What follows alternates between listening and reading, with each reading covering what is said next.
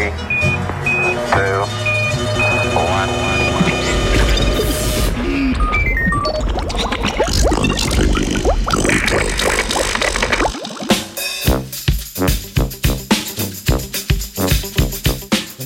Iz volka pes. Mednarodna raziskovalna skupina je v spletni reviji Scientific Reports objavila prve zametke nove hipoteze, ki na svoj vrsten način odgovarja na vprašanje, kako je človek udomačil volkove in si s tem ustvaril nepogrešljivega najboljšega prijatelja. Če zelo močno oklestimo hipotezo raziskovalcev, pridemo do pričakovanega odgovora: s hrano. Vendar pa je celotna hipoteza nekoliko bolj zapletena.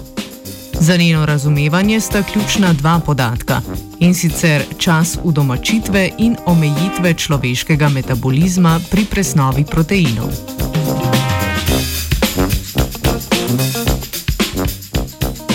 Po trenutno znanih podatkih so se prvi protopsi oziroma udomačeni volkovi začeli pojavljati v Evraziji pred 20 tisoč do 15 tisoč leti. V tem času je velik del severne poloble pokrival večni led in sneg zadnje ledene dobe. Življenje za naše paleolitske prednike je bilo težko, še posebej v zimskem času, ko se je količina hrane rastlinskega izvora drastično zmanjšala.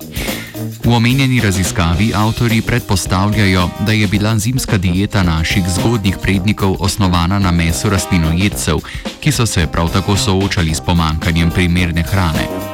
Meso teh schiranih in onemoglih živali, ki jih je sicer lahko uloviti, pa ni vsebovalo veliko maščob, saj ga je sestavljalo predvsem mišičevje, ki ima visoko vsebnost proteinov.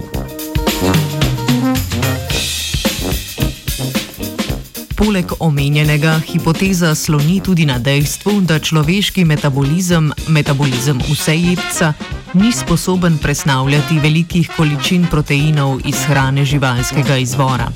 Previsoka količina tovrstnih proteinov v našem telesu lahko povzroči hude prebavne motnje ali celo zastrupitev. Pusto meso je slabo prebavljivo.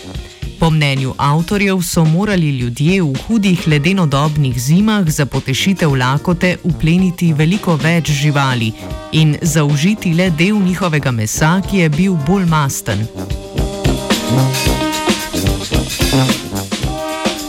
Če zgoraj povedano sestavimo skupaj. Nova hipoteza pravi, da so imeli paleolitski ljudje v zimskem času na voljo velike količine pustega mesa, ki ga zaradi omejitev lastnega telesa niso mogli zaužiti.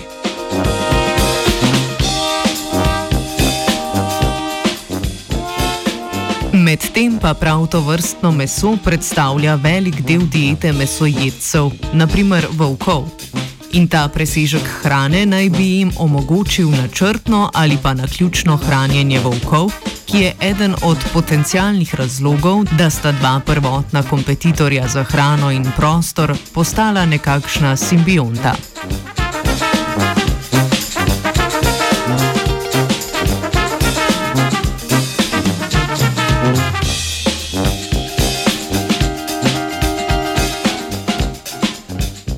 Psov ne prebavlja Gregor.